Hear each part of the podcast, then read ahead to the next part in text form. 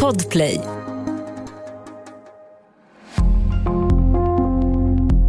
Välkommen till True Crime-podden Sommar. Det här är en podd för dig som älskar true crime. Och för att göra det enklare för dig att få den mest spännande true crime-lyssningen har vi samlat de bästa avsnitten och poddarna från Podplays katalog. Vi hoppas att du ska få en riktigt bra och rafflande sommarlyssning och förhoppningsvis också hitta en ny favoritpodd hos oss på Podplay. Jag heter Hasse Aro och jag kommer att vara din guide hela sommaren. Tack för att du lyssnar.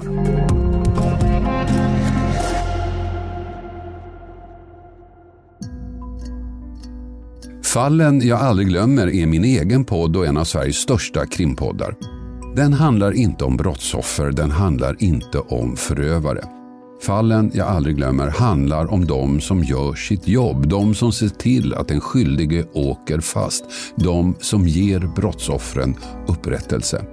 I podden träffar jag de utredare och poliser som berättar om de fall de aldrig kan glömma.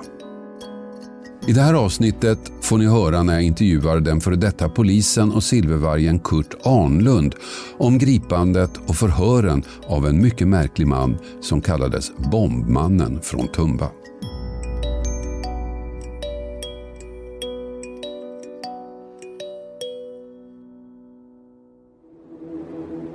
Så jag fick ont i magen. Jag blev faktiskt nervös. Och jag skickade ett hastigt mejl till nationella bombskyddet. Efter 20 minuter fick jag ett, ett telefonsamtal. Kurt, det här är Ylva från bombskyddet. Vi har också ont i magen. Och där startade det. Det var tillvägagångssättet som vi reagerade på. Det här kunde ju drabba vem som helst. Bevis kan ju ha försvunnit, bevis kan ha förstörts. Det är inte roligt att gå ute i samhället och veta att den som har gjort det är på fri fot. Varenda minut i en brottsutredning är ju väldigt, väldigt viktig. Det en anlagd brand och personen i fråga som har livshotande skador. Det här är ju ett försök till mord.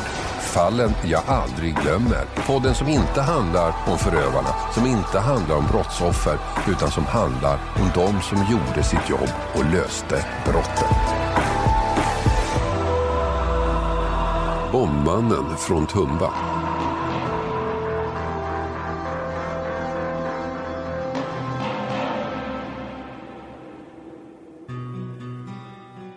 Jag är uppvuxen i Tumba, sydost om Stockholm. Kanske inte den tjusigaste av Stockholms förorter, inte ens då. Men den enda brottsling vi barn kunde namnet på var Tumba-Tarzan. En inbrottstjuv som jagades under uppseendeväckande former en sommar några år innan vi föddes.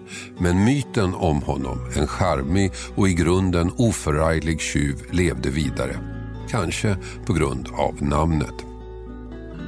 Idag är situationen annorlunda. Storvreten, det område jag bodde i, är klassat som särskilt utsatt område.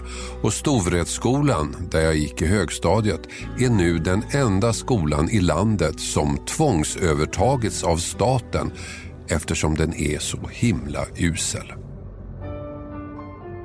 Men för de flesta som bor där pågår livet som vanligt. Jag har släkt och vänner där och för dem är inte tillvaron särskilt otrygg. De lever sina liv som vanligt, barnen går i skola och spelar hockey på fritiden eller någon annan aktivitet. De gängkriminella må vara farliga, men de är inte dominerande, inte än i alla fall.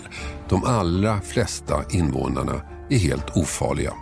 Och så finns det de som kanske är både och. Normala och laglydiga på ytan men har en farlig sida också. Som den idag 61-åriga Jörgen, före detta lärare i kemi. Till ytan en oförarglig, möjligen lite enslig man. Men kanske också Sveriges svar på Norges Anders Bering Breivik. Han som den 20 juli 2011 mördade 77 personer i två terrordåd i och utanför Oslo. Frågan är, var Jörgen en blivande Breivik? Kanske, eller kanske inte, vi vet inte. En sak vet vi. Han hade motiv. Och framförallt, han hade kunskapen och materialet till att tillverka sprängladdningar av fruktansvärd styrka. Sprängladdningar som kunde döda massor av människor, sprängkraft nog att göra Jörgen till vår värsta terrorist. Om de används. Och han hade dessutom listor med namn på personer, listor som skulle kunna tolkas som dödslistor. Av någon anledning väckte inte gripandet av honom särskilt stor uppmärksamhet i pressen. Själv läste jag en liten notis i en kvällstidning. Och två saker dök upp i mitt huvud. Två frågor. För det första, känner jag den här mannen? Vi är ungefär lika gamla och han bodde i ett område där jag också bott. Och för det andra fanns i så fall även mitt namn på hans listor över de som man kallar för praktarslen. Det här är historien om Tumbamannen.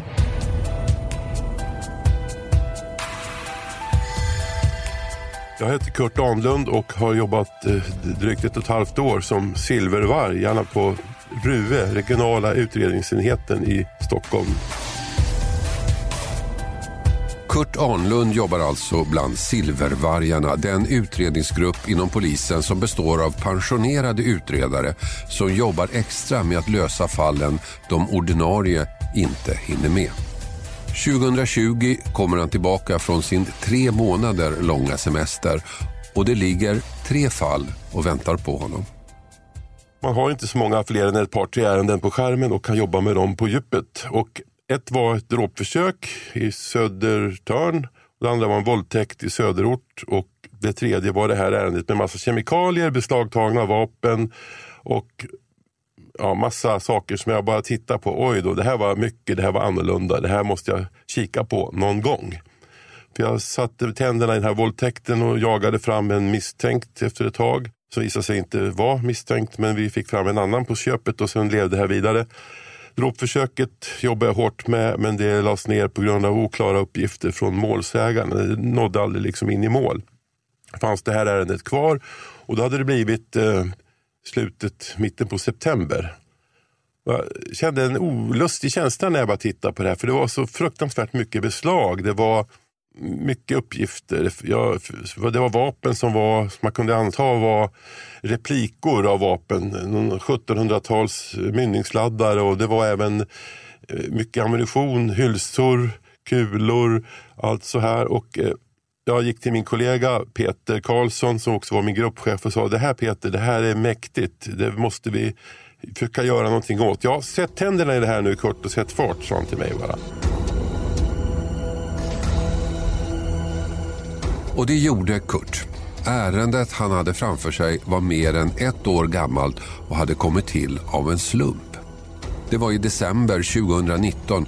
En polispatrull söker en ung man i Tumba, en kille med missbruksproblem som ska omhändertas. Han är skriven på stupvägen i Storvreten. Hans namn står på dörren. Men inte bara hans namn. Det stod 17 olika namn på dörren till lägenheten. Och den som öppnar är inte den polisen söker. Den som öppnar heter Jörgen. Han är då 59 år gammal och säger sig vara den enda som bor i lägenheten. De andra namnen på dörren är personer som han är god man för och därför får de sin post skickad till honom.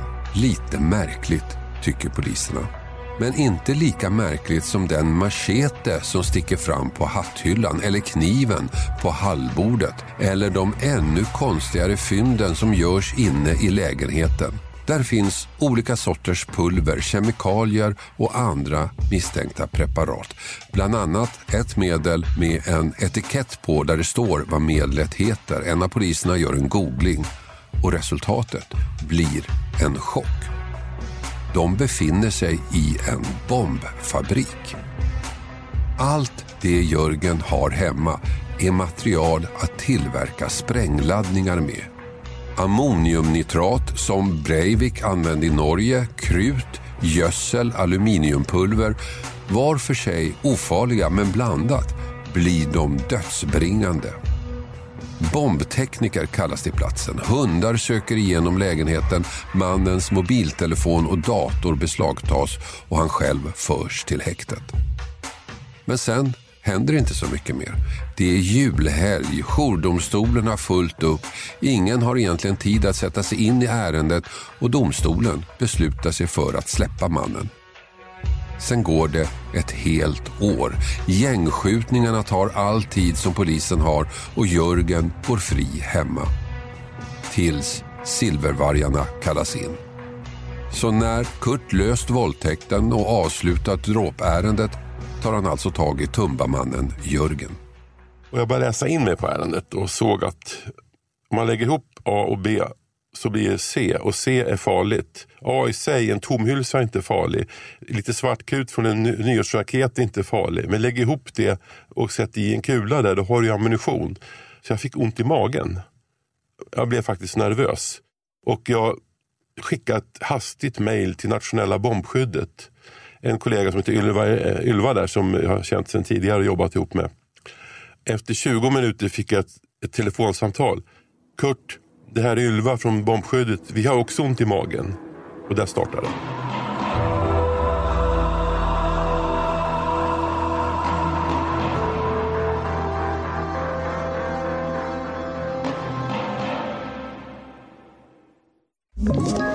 Ett poddtips från Podplay. I fallen jag aldrig glömmer djupdyker Hasse Aro i arbetet bakom några av Sveriges mest uppseendeväckande brottsutredningar går vi in med hemlig telefonavlyssning och, och då upplever vi att vi får en total förändring av hans beteende. Vad är det som händer nu? Vem är det som läcker? Och så säger han att jag är kriminell, jag har varit kriminell i hela mitt liv men att mörda ett barn, där går min gräns. Nya säsongen av Fallen jag aldrig glömmer på Podplay.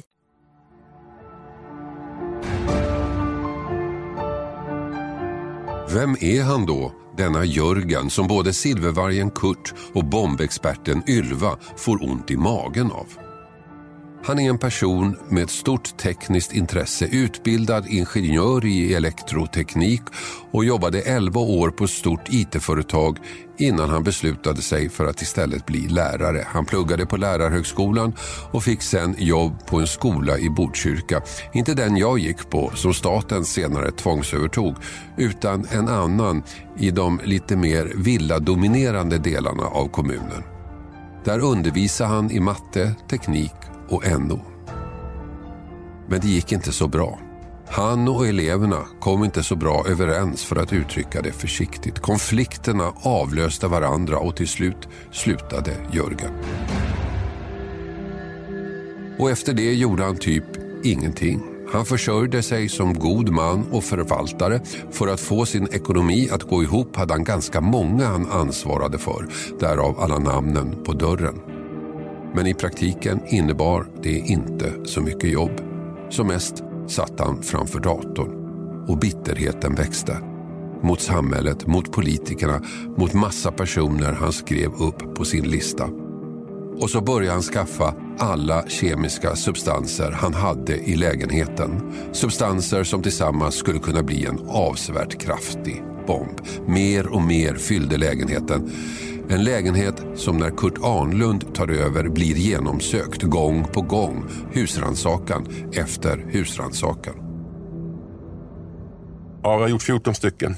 Så eh, gör man mer än en, då har man gjort backhusis. Så vi gjorde husis på husis för det här var som att gräva sig ner i, som en arkeolog, ner i myllan i hans lilla trerummare i Tumba. Och vi hittade ju mer och mer, för vi började förstå, vi lärde oss ju mer och mer. Till exempel om man har de här prekursorerna gödslet och, och, man har dieselolja, man har svavelsyra, man har massa kemikalier. Så plötsligt så förstår man hur ska man få igång det här? Hur ska man, kan man göra en tidsinställd bomb? Ja, då måste man ha Arduino, det vill säga man måste ha grejer som du kan köpa på Kjell Company som kan tidsinställas. Du har ju det hemma kanske för att garagedörren ska öppnas när du kommer och liknande. Och allt det där ihoptaget, det blir mer och mer det breddades ju väldigt mycket. Och vi fördjupade oss och vi såg att materialet breddades helt enkelt. Men det var inte bara ämnen att framställa sprängmedel som hittades. I hans dator fanns dokument av olika slag. Bland annat namnlistan på personer han föraktade. Praktarslen hade han döpt den till.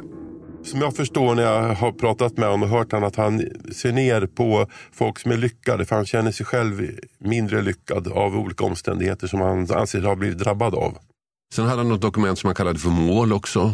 Ja, och då har han ju rekat kring personer. Det var ju Fredrik Reinfeldt framförallt som sambo och sen var det andra kända personer. Och det var ju även Alltså han ringa, missaktade George Soros, den här mångmiljardär, så det var ju väldigt brett. Det var inte så specifikt på alla håll och kanter. Men det var många personer som han satte upp. Politiker, ärkebiskopen, tyckare, poliser som han inte gillade.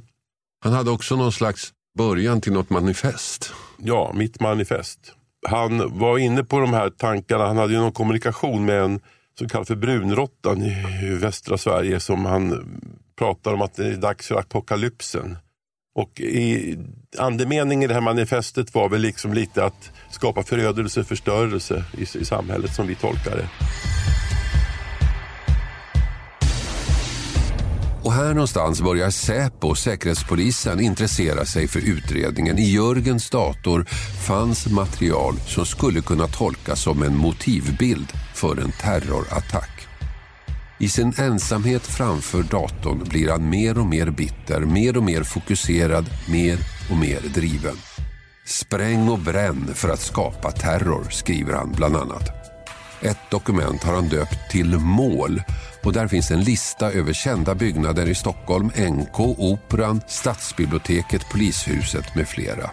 Några med anmärkningar som kameror har döda vinklar, intressant luftintag och eld.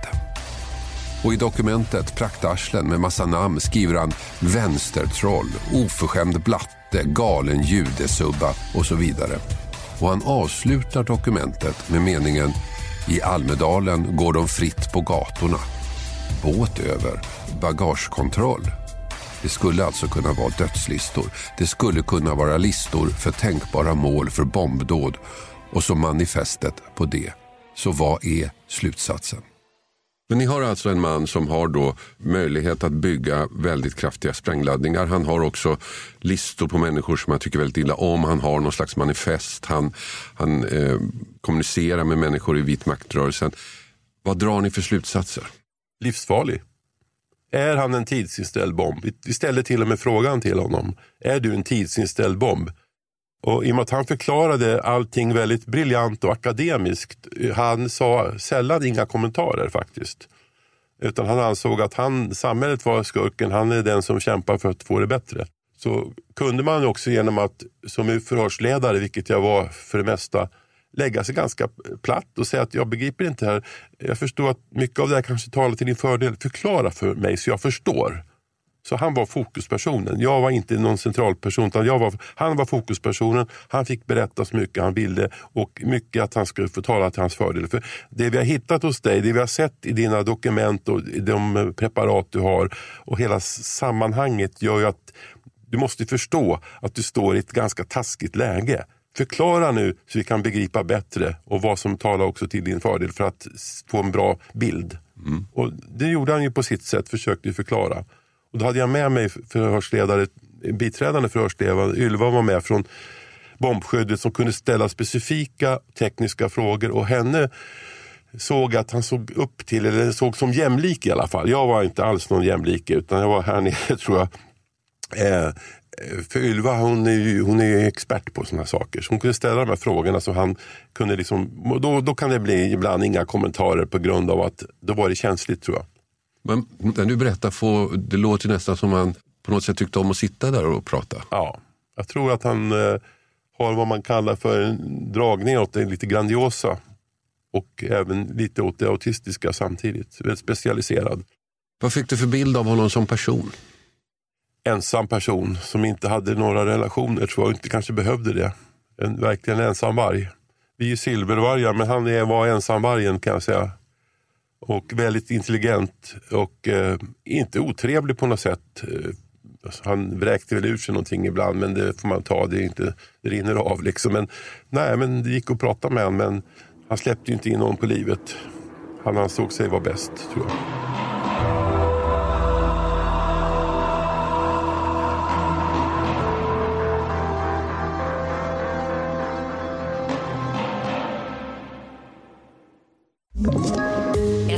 Poddtips från Podplay. I fallen jag aldrig glömmer djupdyker Hasse Aro i arbetet bakom några av Sveriges mest uppseendeväckande brottsutredningar. Går vi in med hemlig telefonavlyssning och, och då upplever vi att vi får en total förändring av hans beteende. Vad är det som händer nu? Vem är det som läcker? Och så säger han att jag är kriminell, jag har varit kriminell i hela mitt liv men att mörda ett barn, där går min gräns. Nya säsongen av Fallen jag aldrig glömmer på Podplay. Men å andra sidan, han kanske bara var en bitter man. En man som satt i sin ensamhet framför datorn och ruvade på hämnd. Men en hämnd som bara fanns i hans huvud. I sitt händelselösa och ensamma liv kanske de här fantasierna gav honom mening, något att sysselsätta sin hjärna med. Men tanken kanske aldrig var att omsätta dem i praktiken. Så den stora frågan för utredarna och för åklagarna var är Jörgen en potentiell bombman, en attentatsman som skulle kunna sätta alla andra våldsverkare i skuggan? Eller är han helt enkelt en patetisk ensam person? Terrorist eller knäppjök? Så här svarar Kurt. Ja, den frågan kan jag ställa mig fortfarande och åklagaren har samma känsla, fågel eller fisk. En stor ambivalens präglade hela utredningen. Vi hade ju även den så att säga, säkerhetspolisen var inblandad på sitt håll också och hjälpte oss med att tömma apparater så vi fick snabbspår på sånt. Du får tänka så här, vi hade IT-forensiker, vi hade ekonomisk forensiker från Skatteverket på grund av att det var mycket pengar. Var får han pengarna ifrån? Hur, hur gör han? Hur har han utnyttjat sina huvudmän ekonomiskt? Mycket sådana frågor. Vi hade framförallt en väldigt duktig utredare från hot och demokratigruppen som vi har på, på RUE som tittar på motiven. Till exempel ett ofredande. Det kan vara mycket mer ett ofredande. Det kan ligga ett hat. Det kan vara en, en ja, ett hatbrott egentligen i botten. Va? Mer än att man slår någon på käften eller, eller hytter åt någon på något ofredande sätt. Så att hela vår grupp, vi satt ju liksom fram och tillbaka och pendlade mellan är det möjligtvis en ny Breivik eller är det bara en vilsen person som vill saker, kanske använder det här som terapi, att prata av sig, skriva av sig, samla sånt här för att han är intresserad. Den fanns ju med hela tiden. Fast åklagaren som drev det här blev mer och mer övertygad om att det finns en förberedelse. Likaväl som du sätter bly och folieväskor och tång, avbitar tång och går in på en butik så har du förberett eh, stöld. Va? Grov stöld till och med. Eh, han har ju förberett så pass mycket så att det lutade ju mer och mer åt att han skulle kunna göra det här. Det måste jag säga. Men under lång tid, jag höll ju på att utreda det här nästan ett år i våran grupp eh, nio, tio månader i alla fall. Och under den tiden så var vi väldigt vacklande fram och tillbaka. Men vi fortsatte att gräva och vi grävde och vi sökte verkstad. Han tillverkade saker som vi inte hittade. Vi sökte 3D-skrivare som kan tillverka vapendelar i plast i alla fall. Och se om man hade metalldelarna hemma och köpte på nätet. Och vi grävde och grävde för att få upp det här liksom till vad det skulle kunna vara. Mm. Och det, enligt domen så har det ju styrkts att han har ju dömts för förberedelse till grov allmänfarlig ödeläggelse. Domstolen tvekade också, men Jörgen blev dömd för förberedelse för allmänfarlig ödeläggelse. Så till viss del köpte de åklagarens teori. Men han blev varken åtalad eller dömd för terrorbrott. Säkerhetspolisen lyckades inte hitta tillräckligt med material för att Jörgen skulle kunna stämplas som terrorist. Så straffet blev tre år och sex månader i fängelse. Och med domen avslutades också det kanske märkligaste fallet i Kurts långa poliskarriär. När du ser tillbaka på det här, hur tänker du då? Det var det mest udda fall jag haft på ett sätt. Jag har haft några märkliga fall tidigare av enklare art men jag hamnar ju liksom jag tänkte jag jobbar med det här, jag tycker det är intressant och trevligt, bra socialt gäng, vi gör nytta. Så får jag det här i knät som jag tyckte att oj, fick jag det här? Eh, jag, fick, jag, jag, kände att det var väldigt viktigt. Jag blev faktiskt ganska nervös också. Jag vet bara första gången jag... Det var egentligen så här att åklagaren frågade hela tiden eh, och även chefsåklagaren gick på mig och det gör de efter tre månader när det inte händer någonting i ett ärende. Vad sker i ärendet? Då tänkte jag så här, jag ska kontakta Jörgen, kalla hit honom med advokat och höra honom för att jag vill få koll på vad är det för person. Ja, men det, du har väl inget nytt att delge, men det, det var lite så osäkert. Liksom, ska jag göra det? Ja, jag, jag vill göra det, så jag. jag. har utredningen nu, handlägger den och jag vet inte vad det är för person. Jag vill kalla hit honom bara för att se vad det är. Och då när han kom, då hade jag med mig två från, kollegor från nationella bombskyddet som satt på sidan av i förhörsrummet. Och de sa inte, deras uppgift var inte att säga någonting, de skulle bara lyssna. Och jag var jättenervös när jag gick in, anspänd. För att jag, det var ett område, jag gick in i ett element, ett område som jag inte behärskar. Och jag sa det till honom underförstått att eh, du får förklara för mig. Och jag tog reda på vad, hur du haft för uppväxt. Vad gjorde du? Har du gjort lumpen? Vad gjorde du då? Jag var där och lite utbildning, så här, bakgrund. Sen till slut kände jag att jag, jag kan inte fortsätta. Jag kände mig vilsen. Och då gjorde jag en paus. Och så gick jag ut med en av kollegorna från bombskydd och sa Vad ska jag fråga?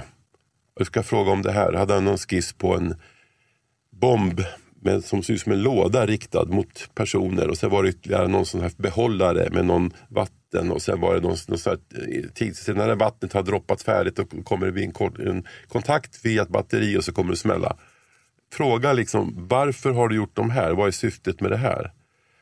Eh, bra tänkte jag, då har jag en väldigt konkret fråga som han fick svara på. Då. Och då, då, då släppte det här nervositeten av att jag var inne på ett främmande vatten.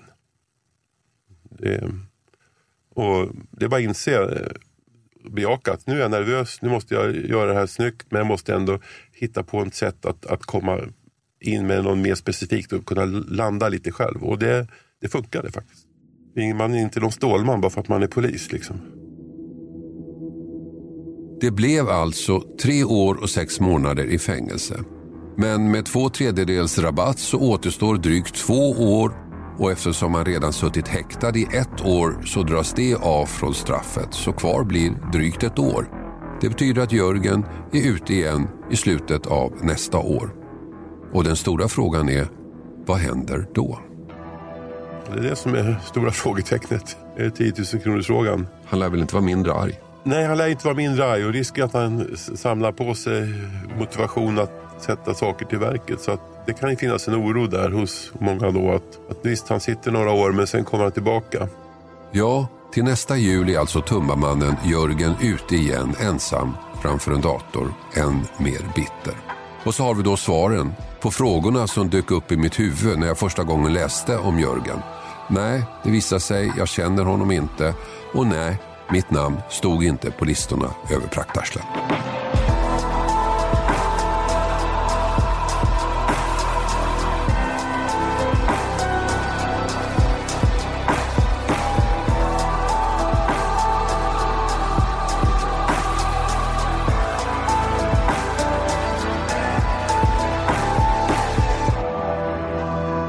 Podden Fallen jag aldrig glömmer.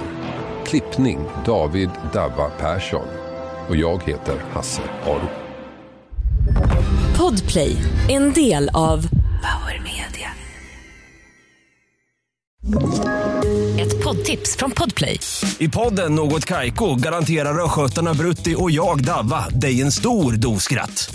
Där följer jag pladask för köttätandet igen. Man är lite som en jävla vampyr. Man har fått lite blodsmak och då måste man ha mer. Udda spaningar, fängslande anekdoter och en och annan arg rant. Jag måste ha mitt kaffe på morgonen för annars är jag ingen trevlig människa. Då är du ingen trevlig människa, punkt. Något Kaiko, hör du på Podplay. Därför är gardinerna.